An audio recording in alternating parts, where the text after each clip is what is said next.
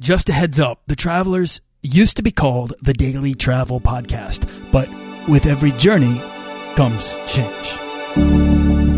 This podcast is produced by Holocene, a community of creative travelers. If you want to get serious about planning that next trip, writing that book, starting that creative project, or launching that business, we're breaking down the barriers between where you are where you want to be together at joinholocene.com. That's join, H O L O C E N E.com.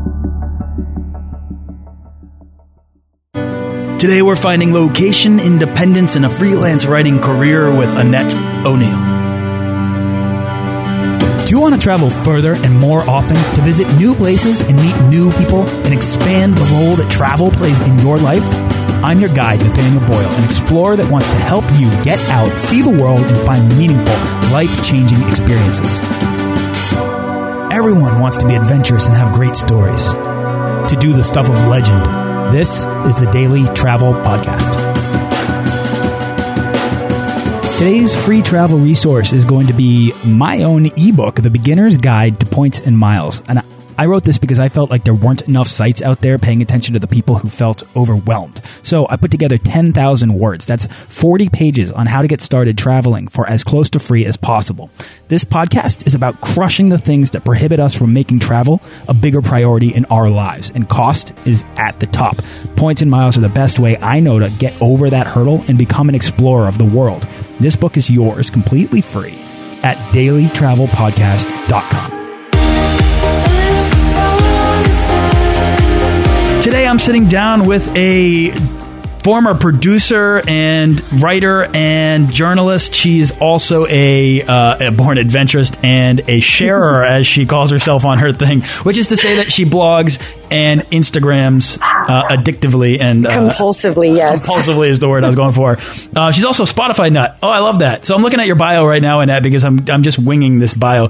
Usually Nice. my intros are very involved and very uh, out there, but um, I I can already tell you're just as down to earth as I am, if not more so. So so I'm just gonna dive right in. That you you once produced uh, uh, television commercials in LA, and you are now a freelancer, writer, designer, and uh, the owner of Clever Ginger Creative, um, which is allowing you the ability to work from wherever it is that you want, create location independence, and travel. Make travel a bigger priority and part of your life. Uh, sound yes, right? sir. All That's right. exactly it. Oh, good. So it's good that you're here on the show. Why, thank you. It is a pleasure to be here. Excellent. So, all right. So, Annette, I gave kind of a very um, fragmented uh, explanation of who you are. But if you could actually introduce yourself, do a better job than me, and take us back to where you're from and how you got started traveling. You know, I loved your introduction, and thank you very much for it. Thank you. I planned it. So, I am actually um, a third culture kid, which means I was born and raised overseas. So, I come. TCK. Yeah, exactly. um, I come to this to this location independent slash digital nomad- thing quite organically. My dad was in the U.S. Air Force and did some work with Doctors Without Borders. So uh, I spent my whole life running around until I moved to Los Angeles to um, what I first thought was acting.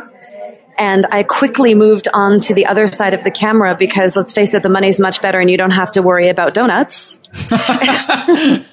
That's a career motivator right there. How can I get more donuts? And how can I mean, it not affect what I do every day? I know, exactly. Like if I can't have a handful of Madeleines with my coffee every morning and still be able to do my work, I can't do the work. Speaking Sorry. of which, here you are sitting, working, and talking to me from a coffee shop, which we Yes, should probably explain to anyone listening that's wondering what all these crazy noises are in the background. Yes, exactly. Um, I'm actually talking to you from downtown Salt Lake City. I, uh, when I moved from Los Angeles, I bought a place down here because it is the best kept secret in the U.S. I promise you. There is so much to do here. If you're bored, you're boring. There's local everything. Um, there's there's skydiving, there's base jumping, there's tunnel flying, there's skiing, snowboarding, rock climbing. I mean, basically anything you can come up with. We have we have four trampoline gyms with foam pits within a ten minute drive of my house. I mean, it's just fantastic. But I'm only here for two weeks a year, maybe three. Okay, so Annette, I, what I've already picked up on, even though we haven't entirely dived into exactly where your travel starts here, that you, the first thing you named about Salt Lake City is something that I did not realize, that there is a bit of an adventure sports contingency there, and that that speaks to a massive to you. adventure sports contingency, yes. I mean, if you're not religious in the way that you would assume a person in Salt Lake City would be religious, you're religious about being outdoors and you're religious about getting your adrenaline as pumping as hard and as fast as you possibly can. This is, this is a city for sports people to its core. And you're evangelizing that religion of Yes, adventure sports. So where did that come from? When did you get Preach. started? Um, I started racing motorcycles when I was in university. Um, in Los Angeles, as a matter of fact, and uh, and riding the canyons around LA. Um, I went to South Africa because when I was producing, um, I could take a you know somewhat extended little mini breaks between jobs. Um, and I landed in in South Africa for one of those met somebody a couple hours after I was off the plane who was a base jumper, which I had con- never heard of once in my life. And that person explained to me that, that skydiving is a sport that you can jump out of planes as, you know, as often and artistically as you like. Um, and I just, I really, really cottoned to it. I did my first tandem skydive a couple weeks later and I've been jumping ever since all over the world. You know, what I really love about skydiving is that it, it, it provides this perfect metaphor for It does. going into a freelance lifestyle, right? Yep. And I mean, I think that it's because it takes a certain kind of person to want to throw themselves out of a plane, even if you're strapped to somebody else, even if you have backing, right? Uh, at the Yeah. same time, I think when, when you step out on your own in business and in life, and it's up to you to pull that parachute, to, to figure out, you know, to pack your parachute correctly and then pull that string. Uh, to me, it's, it's really is a, uh, it's just always been this perfect metaphor. Um, and ever since I went skydiving, I've been like, I, I've understood that, you know, you can't necessarily push people out that door. They have to actually really want it. I've seen a couple of people pushed, but I do know exactly what you're talking about. You know, that's true. Actually, there are, once you get strapped to that person and you get in that plane, there's not really much turning back. They, they're going to throw you out. They know all the tricks. But tell me about your first jump. Where did you do it? I did it in New Zealand. It was in, In um, Queenstown, hey? No, you know, I really wanted to, but I, I didn't last that long. So I was on my way down to the South Island, Okay. and I did it in um uh, uh what is it called? Rotorua? Nope, but it's Tauranga? Nope, keep going. Lake Lake Taupo. Okay. Lake Taupo. Oh, Taupo's gorgeous. It was gorgeous. It was unbelievable. And you're falling and you see the town beneath you and the, the huge, uh, you know, the, the lake is huge. It's massive. It's a big lake. Yeah, it um, is. And it's surrounded, or it's, I should say it's flanked by the mountains. So, uh, it kind of has a, I think a similar, maybe less dramatic than Queenstown because Queenstown, unbelievable. And I kind of wish that I had done it at the time I was backpacking. Taupo is so-. I mean, you can you can see both sides of the. Can't, from what I've heard, because I haven't jumped in Taupo, you can see both oceans from exit. That sounds that sounds about right. Actually, I have to think back to Oh, that. I mean, I, I'll tell you what.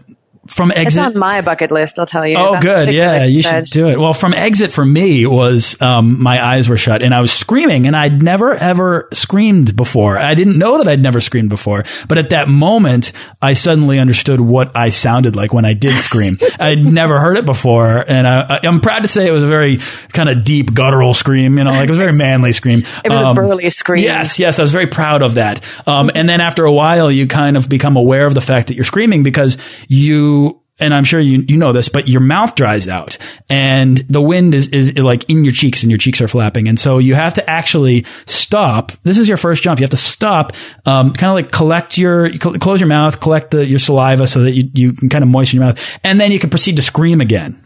Exactly, but it takes you have to you have to stop going full chipmunk for just a moment. it's the best though. I mean, I really do. I really do think that it, it's the scary. It seems so scary to people, but it's for whatever reason, I've always been less threatened by skydiving than most other adventure sports. And I would highly recommend it to anybody that hasn't done it because when you get down and you land, it's the feeling of, of, uh, of experience, of survival, of adrenaline, of dopamine, whatever it is, but you want to get back in that plane immediately. Well, of, of taking of taking a very literal leap of faith and having it work out. And isn't that what we all seek? Uh, totally, absolutely. In in travel and life, and perhaps in work, although maybe not not everyone in work. But um, so let's get into that for you. When was your first independent trip? Uh, you know, not not with your family growing up. Um, my first, well, I mean, I, I, took smaller ones, but my first really extended independent trip was to China, um, to a, a, city called Nanjing. Hmm, okay, and that's, that's, a pretty challenging first trip. Uh, you know what? It, it kind of was. I mean, I I had a lifelong warm up to it. Um, you know, and we'd been stationed in in Asia and Southeast Asia before, so I kind of got it already. But Nanjing, I wasn't expecting it to be as big as it was. The reason that I went is that I had a friend whose father was a teacher at Nanjing University. Um, so I was able to get a pretty, a pretty high end like, visiting professor's dorm situation to stay in. Um, and it's a, it's a nice central base for exploring the city. And so I, I took, I think it was three weeks long that first time around. Um, and, and, oh, let me explain too. I'm a six foot tall redhead so being in that part of China, there, there were people touching me literally all the time. Could not keep paws off of my person no matter where I went. Somebody was pulling my hair or patting my skin. I'm not sure if it's like that anymore in Nanjing, but at the time it was, uh, it was stunning. I mean, I was just in Beijing. Oh, I won't say just. This was five years ago or so, but, um, it was still people coming up to me saying, "Can I take my picture oh, yeah. with you?" Oh yeah. All the time. Oh, hey, I was um I was in China very recently actually for um for an event in a place called Guiyang. Uh, they have the biggest suspension bridge in the world there, and uh, a, a, few base jumpers and I were out there to do a demonstration jump. Um, and this is in this is in deep, deep China. I mean, you have to fly to a tiny airport and then drive in a bus for three hours to get there. Um, my partner is six foot eight, and very blonde and blue eyed. And I think he probably had three babies in his arms at all times and at least seven cell phone cameras pointed at him at all times.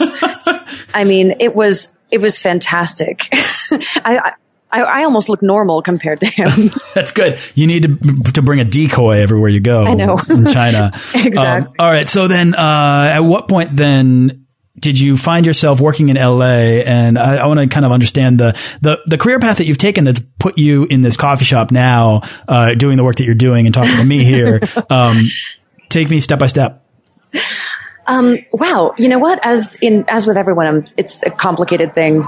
Um, of course. So I started, I started in Los Angeles at, in university, the University of Southern California um, getting a film degree, and I, I, did a degree in film and communications and in geology. Okay, as, as strange as I was going to say me too, but then you lost me on geology. Oh, nice. Well, I really like rocks, and I hike all the time. Um, my hikes generally end at the edge of cliffs these days, but I still love hiking. And you know, geology is a, a fascinating way to sort of burn through a hike, just you know, peeking at rocks. Um, anyway, so I, as I said, I was going to, I was going to act, but I transitioned really quickly into producing. Um, and I have a pretty short attention span. So instead of working in feature length films or independent films or anything long form, I went straight for music videos. Um, did at least, oh, it must have been about five years um, until the music video business dried up, which it consequently has, um, and then went into doing promos and uh, commercials from there. Um, and you're my, working as a producer at this point. Yeah, exactly. Exactly. Um, the funny thing is, towards the end of my career in in commercials specifically, most of the work that I was doing was promos for what's called production service. Um, production service is when an overseas company needs to come to Los Angeles in order to use LA locations that you can't find anywhere else, like the Hollywood sign or the beach at Malibu or um, or the Los Angeles downtown skyline or something that they absolutely need to fly out to do and they can't move a whole crew to do it. So in a way, this is almost like destination marketing. Yeah, exactly. And um, I'm, almost all my clients were from the UK, from uh, Channel Four, which is a pretty pretty major venue over there. Um, and I was I was spending almost all my time with people who were visiting LA, um, going home, sleeping, and doing it all again. So I almost feel like I started being location independent before I actually pulled up my roots. okay, all right. So you were already kind of did did living that lifestyle give you a, a, a taste of what could be out there for you instead? Yep. Yep, exactly. And I've never, I've never had a quote unquote job in my life. I've been freelance since the day I was born. So, you know, it's, I started out pretty agile, but that moment, uh, when I hit the 10 year mark in LA, when I decided that it was time to go, um, that moment was really seminal because we we spend our lives thinking that we can create um, that we can create stability just by being somewhere, just by having our name signed on, you know, a lease and paperwork with a job. And that we think that stability and safety is something that we create by staying still. Um, I decided in that moment that the only way I could create meaningful stability for myself is to, to, you know, start with the yoga of being uh, of being agile, of being able to to move and you know flip hats and change venue at the drop of a hat. And I really now passionately believe that that's the way forward. Um, that if you're strong in your ability to move from one context to another, you're unstoppable. So there's a real degree of confidence that I think it sounds like you need to build, and at some point you did build that. How did how did you go from where you what you were doing before, working within an industry that we were talking about this beforehand because, because we've both worked in Hollywood, yeah. um, that the industry really um, it becomes largely about who you know and the relationships that you build. And it's so reliant on that, that if you step away from that and lose the income, you're on your own in an extreme way. Yeah, in a very short period of time. Um, I was still picking up promo producing jobs when I was overseas and flying back for them three or four times a year. Um, that was for about the first three years that I worked, that I was, you know, digitally nomadic and, and location independent. Um, once that executive producer stopped calling me and I really I realized I was on my own, I had built a really strong network of clients and had um, had pulled together a pretty good reputation for myself in what I was doing at the time, which is almost entirely copywriting. Um, now, since I've stopped doing a lot of copywriting, almost all of my income has started to come from journalism. Um, and I write for a very specific niche. I write for ex- adventure sports publications, um, like Red Bull Adventure, uh, USA Today Travel, Parachutist magazine, mm-hmm. the U.S. Paragliding and Hang Gliding magazine.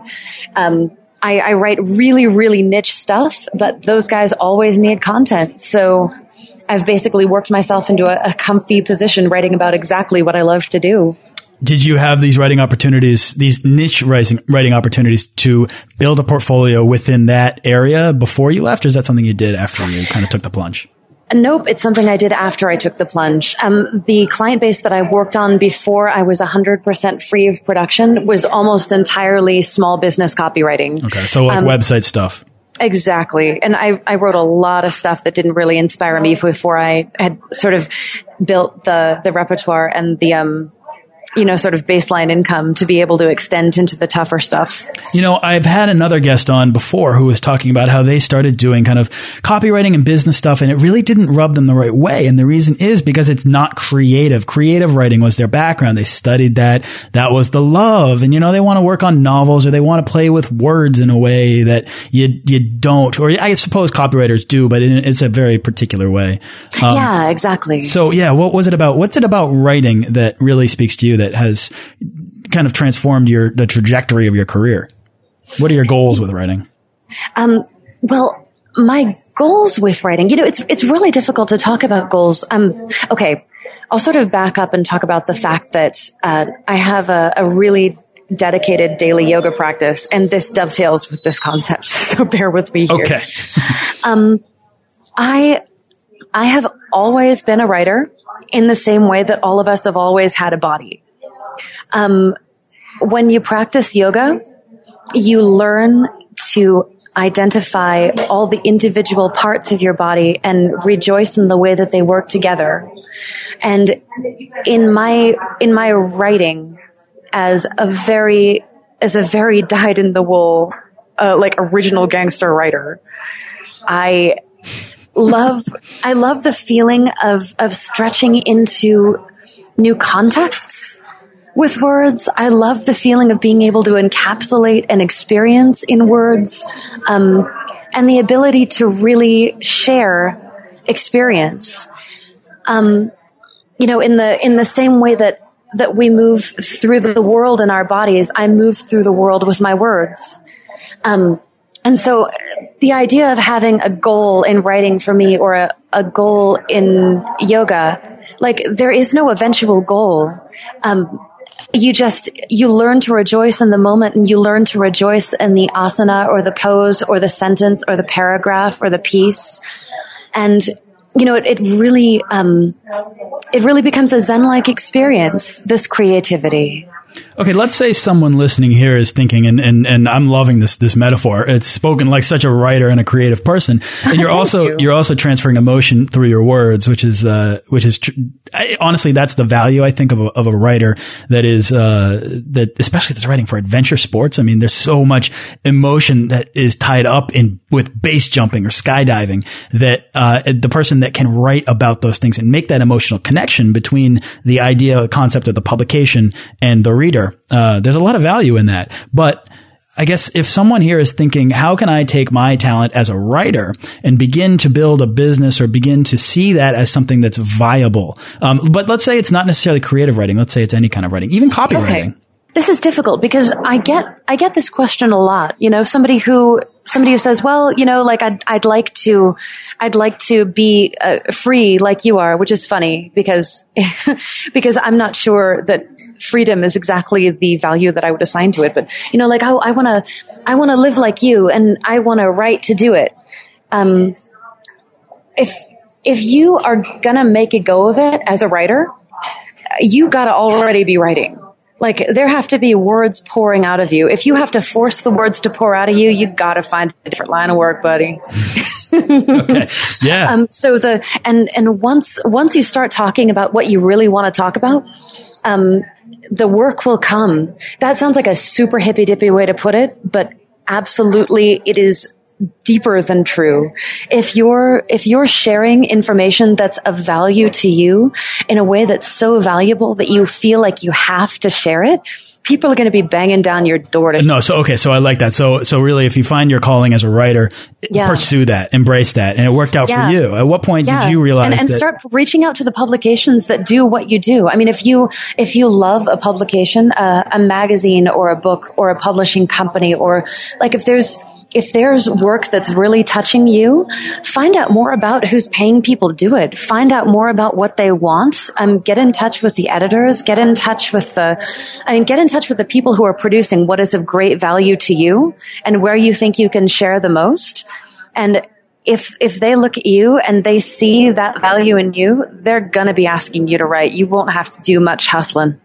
All right. So, you do have to do some. So let's, yeah, that, well, it sounds like a lot of where your clients are coming from are from you going out asking for them, right? I mean, that's such a key for so many of my guests that are out there freelancing that have created location independent lifestyles is that they're not afraid to ask for the things that they want. Yeah, and exactly. Watch the TED talk that Amanda Palmer gave not too long ago about the art of asking.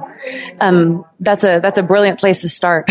uh, uh, you know what I'll do is I'll, I'll embed that into the show notes of this page of this, uh, oh, of this episode. It's brilliant. And it, it touches exactly on what you say. Very cool. All right. So then take me through where your uh, decision to go and work for yourself and attempt this kind of digital nomad lifestyle, where that's allowed you to go and work from since you since jumping out of that airplane. nice. So basically, where I go, um, is places that I can jump out of things and fly off of things. So like in the past year, um, we'll take this year as an example. I started out in the very, very north of Chile in a place called Iquique, um, which is a, a, coastal dune just on the very, very edge of the Atacama Desert. It's a 3,000 foot tall dune. And, uh, my partner and I went and took our tiny little wings and flew in the strongest wind conditions we ever have. And then, um, after about a month there, we went to La Paz, Bolivia and did some really big mountain flying in the Andes with a, a little group of Bolivian paraglider pilots who are just badass and beautiful. They are wonderful, wonderful dudes. They run a thing called Andes Extremo. And if you're in, and if you're in La Paz and you want to try flying under a paraglider, call them. They are absolutely incredible. Um, then I went from there to uh, to the UK where I spent a bunch of time because I have a very, very good friend who lives just south of London. And then from there, Switzerland, Lauterbrunnen. Um, I actually was downstairs neighbors with another digital nomad called Gigi Griffis, who uh, is a wonderful lady in her own regard. Um, and I, I, move around like this. I move with the seasons. I move with the, the great conditions. I, I move with the heart. Um, you know, where's deciding where it's going to call me next. And I think that's probably going to be the Mendoza mountainous region in Argentina next year. So yeah, I, uh, I tend to look at the map like it's a great big menu and just, you know, pick some tapas. I like that. So you really, you really let the things that you already love pull you to the places that you go and then find experience through just going for that. it's what you do in life, isn't it? Totally. And I think that that's a really key point. I mean, for you, it's adventure sports. For somebody else, it could be anything, right? It could be food. It could be wine. It could be uh, craft beer. It could be oh, cruises. Dude, food I mean, for really me too. You have no idea. oh God, food. Food is, uh, uh, I, I, food is, is probably the one thing that, that I think we can all relate to on some degree. But, uh, but I like that you've, you've already created the, you've, you've, you look at the world like a menu and choose your plates uh, and yes, taste sir. taste a little bit of everything. Taste as much as you can. Everybody wants to go to the menu, uh, go to the restaurant and order one of everything off the menu and try it all. Um, if only we could all afford to do that. But I think that the key is is to recognize that uh, with travel, it can just the first step is really freeing yourself so that you have the time. Uh, and then the, figuring out the money part is actually, I find, and I'm sure you'll agree, easier, I think, than figuring out the time thing. Absolutely. Absolutely. Um, and figuring out the prioritization too, you know, cause a lot of, most of us are, our loved ones and our families are not location independent. So, I mean, my big struggle over the past couple of years has been making time for my mom and my dad and my sister who now has two very young children and you know folks that I very very rarely get to see um, it's a it's a struggle you know keeping all these all these plates spinning. Yeah, I do. Well, I do. Know, I completely understand. I mean, it's something that I've been working on for the past few years as a freelancer myself, and it's you're constantly trying to justify it to other people. You're constantly trying to explain to people that you you are investing in your time and buying buying pins on a map rather than uh, um, buying things or, or, you know, it's a different lifestyle, but it's a, maybe it's perhaps a, a, more modern lifestyle. I'm not sure. Um, but I, I, love chatting with you casually about this stuff every once in a while. This is a lot more casual of a conversation than I usually have on the show, but I think it's just the nature of you, Annette. Um, but what I like about you is that you have. I'm a pretty casual girl. I, uh, I, have to say so. So, uh, what I like about you though is that you have this adventure sports, uh, metaphor layered over everything you do and uh, and that you and that you've pursued this adventure sports in this in this way that uh, symbolizes this desire for freedom, for more, for for a, a greater taste of life. Hmm. Yeah. Well, thank you very, very much. It's so far it's working for me, and I, I really don't think I could possibly be happier. well, I think that's great. All right. So then, uh, take me into the future. Then, where what are you working on now, and where do you see yourself going um, with Clever Ginger Creative and as a digital nomad? Um, well, right now I'm sort of taking a look at what the next year is going to bring me. Um, I run the extreme sports site for about.com, which has been a really, really, really fun thing. Um, and I've got a, a pretty steady lineup of how to's for sort of beginner to intermediate air sports athletes and a sort of peek behind the curtain into what um, specifically a, a base jumper and you know big mountain paragliders lifestyle is um, trying to get more people interested in the sports and uh, and more in touch with the human side of them as opposed to the sort of Red Bullified, monster beveragified, um, hyper adrenalinized concept that most people have. Um, and as far as travel next year, I'm really looking forward to uh, either spending a bunch of time in in uh, the mountains in Argentina, like I was telling you earlier, or going back to my roots and doing a bunch of base jumping in South Africa, which is where I did my very first base jump back in 2012, and. Um, you know, there's a bunch of objects that I wasn't ready to jump back then when I was beginning, and now I am more than ready. So, uh, yeah, that's definitely in the cards. Love it. All right. So then I got to ask you then, anybody that's listening to this episode is going to be thinking, all right, well, everything she's doing sounds really awesome. It sounds really like the kind of life that I would actually like to make steps towards or just find ways to travel more. Um, how where where would you suggest people go to begin to you know figure that sort of thing out, or learn whether it's learning more about you or it's um, you know picking up on tips or tricks from from outside uh, uh outside sources? Well, I am a, I'm a big believer in again the perhaps hippy dippy sounding idea of once you once you really throw your whole heart at something, the universe is going to conspire to make it happen.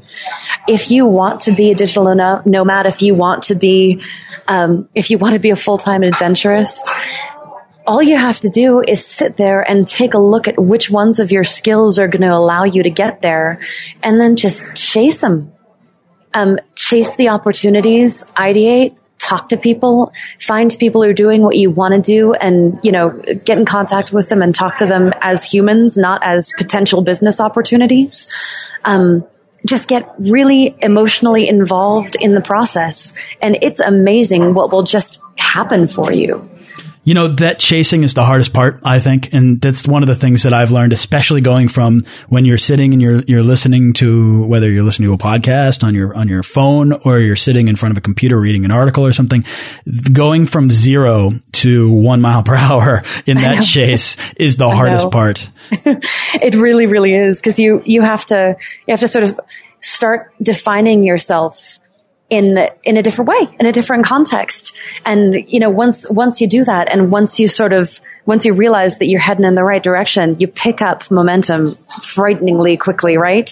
Yeah, absolutely. That, but it's that that first little bump that's really tough. That's it. I mean, I honestly, at some point though, I think that you look back and you don't even rem remember starting. It seems like this enormous step, uh, but eventually the the things you're you're you're so far up the mountain you can't see the ground anymore, and your head's in the clouds and you're happy. But I know that I look, for example, I've I really like those metaphors because that's my favorite place to be. You've started me on this metaphor thing. Um, so uh, I started this show. I don't, I honestly can't even remember the day where I said, I'm going to start a podcast. And now I'm like 150 episodes in. I've interviewed just about all of the biggest names in travel, at least in uh, online travel. And, um, and it's connected me in a way to, to people that I'd, I'd never seen coming, but I threw myself into it and now, um, it's, it's really paid off. You know, it's really working for me. So that, that to me is really exciting. And, uh, so I like everything you're saying. I'm like, yes, yes, yes. I love this. and it gives you a great excuse to, I mean, in, in my journalism too, I think, I think we're sort of barking up the same tree here. It gives you a great excuse to, to ask questions, um, and to, to dig in with people and, you know, it's, it's, an opportunity that not everybody gets. So it's really delicious. Oh, I completely agree. I mean, I, have found myself to be more of a conversationalist and, uh, far, well, I've always been curious. Um, but to have a show, you know, I can sit here and be like, Annette, how do you make money? Right. And it's like, that might be a rude question otherwise, but I get to ask you these questions and you tell me, well, I've got these clients. I write this way and this, these are the skills. And that's everything we just covered on this show. And that somebody listening might think, I can write. I want to travel more. I want freedom, if that's what we want to call it or not. And, uh, and they want to, you know, take that plunge. Um, then, you know, they can probably reach out to people like me or reach out to people like you and ask you, how do you pack that parachute? exactly. Exactly.